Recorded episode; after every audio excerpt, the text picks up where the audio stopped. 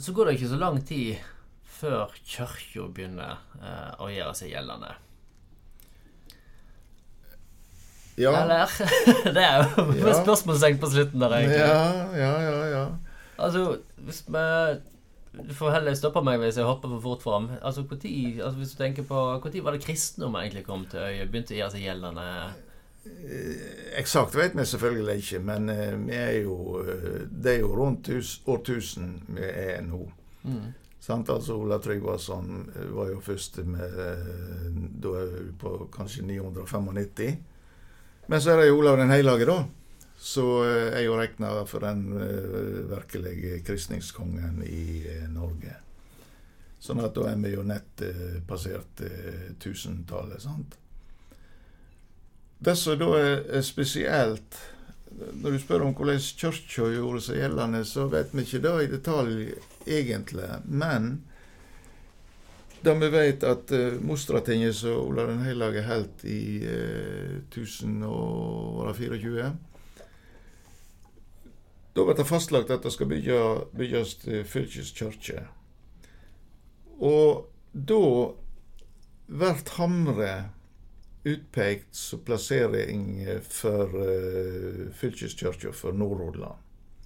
Hva var hva årstall sa du? Det var i Ja, 1024 er jo gjennom Mostratinget eh, lagt til. Ja, så det gikk veldig fort, egentlig, dette. da.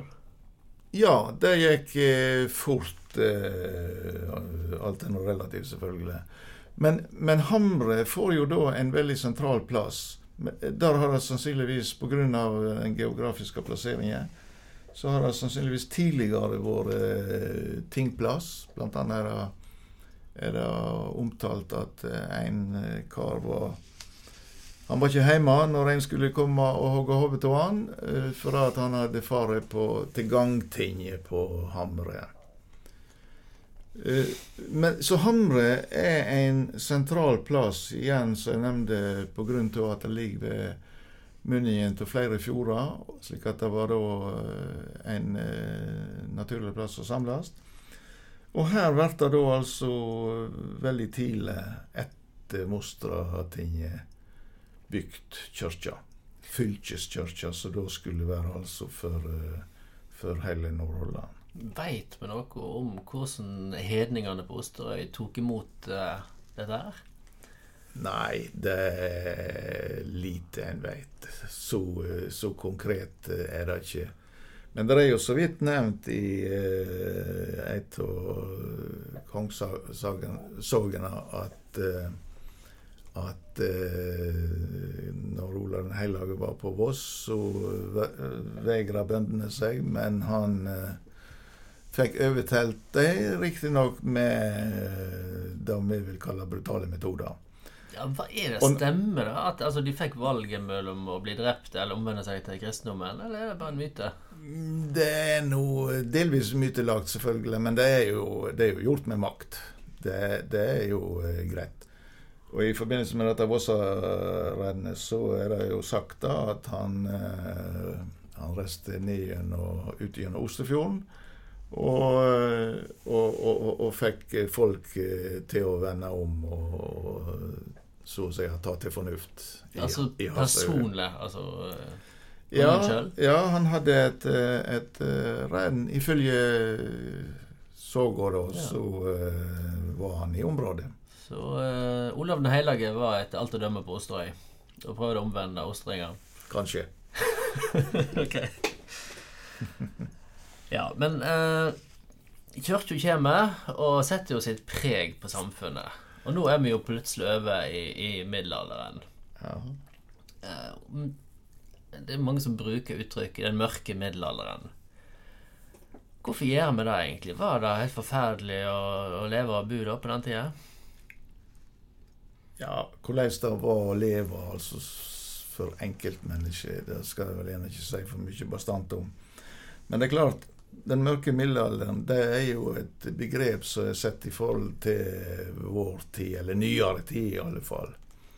Og Det er klart at eh, dagliglivet det var ganske eh, både enkelt og, og, og, og det vi vil kalle primitivt for eh, iallfall vanlige folk. Går det an å si altså, Hvordan levde de? Hva åt de? Hva drev de på med, egentlig? For det, de fleste var jordbrukere da òg, sant?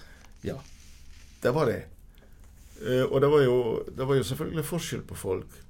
Eh, vi vet selvfølgelig at eh, de hadde De dyrka korn. Vi vet at de hadde selvfølgelig husdyr. Slik at det er jo det er jo det som er basisen for levemåten, eller det å overleve. Altså det de kunne høste på en gard. Det, det er det som er livsgrunnlaget, selvfølgelig. Mm. Men bøndene eh, Altså, de eier jo jorda, gjør de ikke det? Mm, Er det noen andre som altså når vi er i mellomalderen, så er det jo eh, etter hvert få bønder som eier jorda. De aller fleste bønder, for ikke å si alle på denne tid, de er leglendinger. Det vil si altså det andre som eier jorda. Men eh, bøndene, de, de driver jo og lever av henne. Men må altså betale landskjøl. altså det vil si da, sant? det er leier for å forbruke eh, jorda. Men hvem er det som har tatt bøndene fra de jorda, da? Ja, det er en eh, ganske For det første er det en lang prosess, og så er det en ganske innfløkt prosess.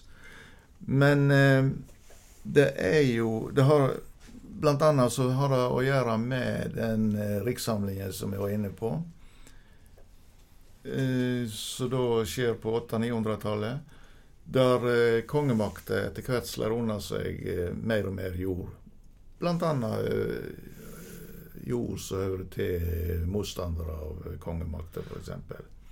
Slik at i en eh, periode på kanskje noen hundre år så blir flere og flere av de bøndene som tidligere, eller de slektene som tidligere eide jorda si, de, eh, de blir etter hvert eh, leiglendinger. Men altså var det Det var kongen da som overtok jorda til så å si alle bønder? I stor grad.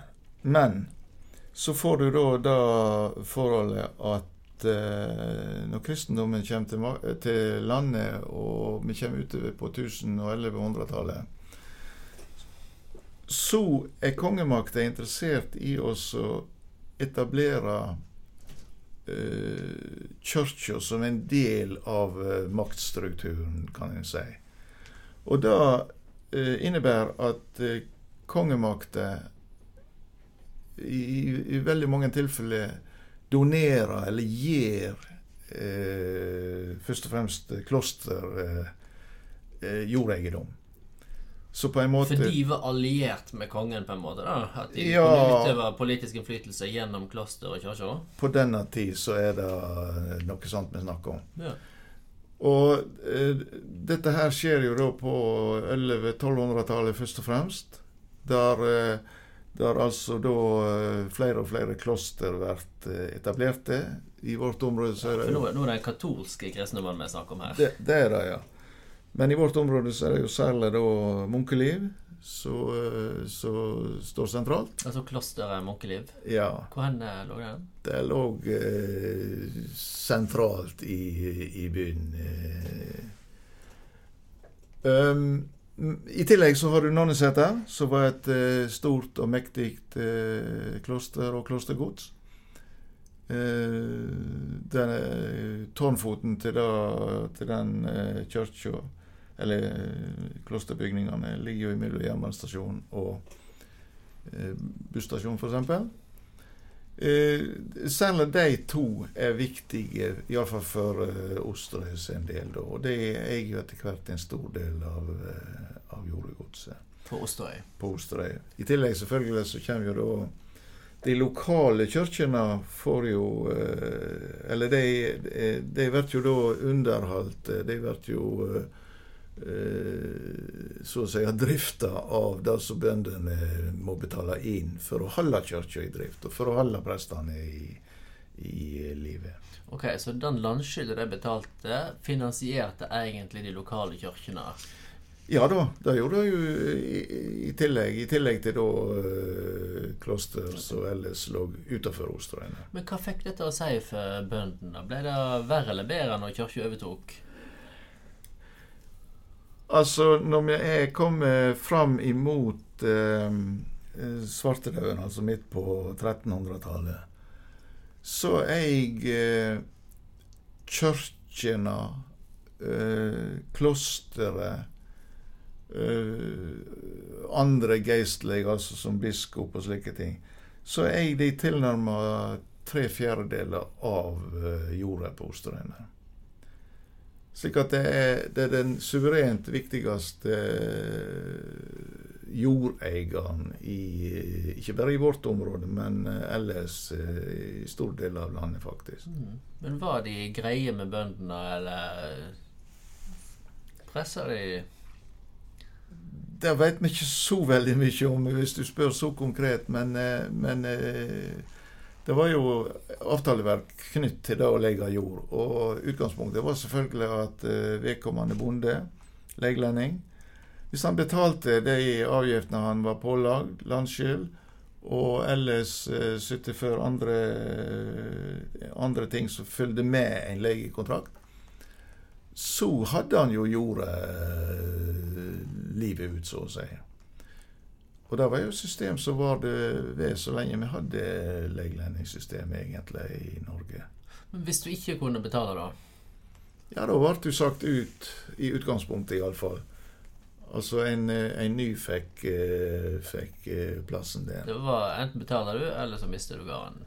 Ja, det var iallfall i prinsippet. Ja. Hvor, hvor, stor del av det de produserte, var det som gikk til, til kirka? Det er noe veldig omtrentlige ting en kan si noe om, da, men anslagsvis så er det operert gjennom en femtedel, kanskje en sjettedel, som gikk til Som gikk vekk av det som ble produsert på gården. Ja. Anslagsvis. Mm. Uh, men det er jo selvfølgelig 100% konkret. Det er ikke det råd til å si at det var sånn og det var sånn, men mm. uh, det er iallfall uh, i en vei.